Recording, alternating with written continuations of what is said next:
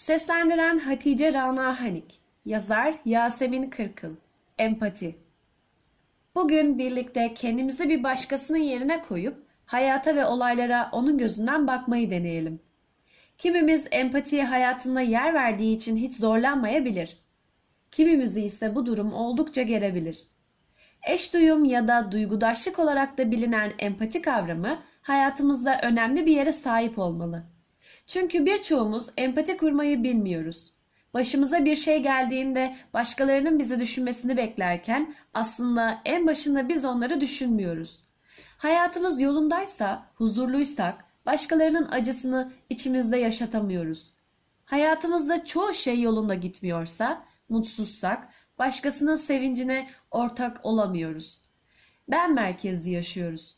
Halbuki acıyı, sevinci, duyguları paylaşmak hepimiz için çok kolay.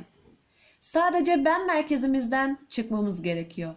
Hepimiz anlaşılmaya ihtiyaç duyarız. Bu da ancak ve ancak empati ile mümkündür. Karşı tarafa ben seni anlıyorum hissiyatını verebilmek sandığımızdan çok daha önemlidir. Empati kendi içinde üçe ayrılmaktadır. İçgüdüsel empati, hayata gözlerimizi açtığımızda bizimle birlikte olan empati türüdür. Başkalarının yaşadığı duyguları aynı onlar gibi yaşamamızı sağlamaktadır. İlişkisel empati. İlişki içerisinde bulunduğumuz bireylerin duygularına karşı kurulan bir empati türüdür.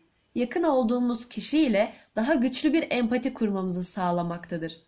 Ve son olarak deneyimsel empati.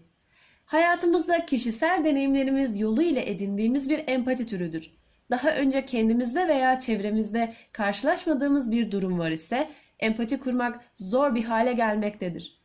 Yukarıda yazmış olduğum empati türlerinden en az bir tanesini hayatımıza alabilmeyi başarırsak eskisinden daha düşünceli bireyler haline gelebiliriz.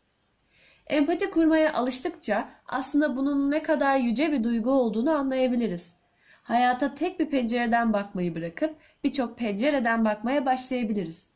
Anlaşılmak ve anlamanın ne kadar kıymetli olduğunu görebiliriz.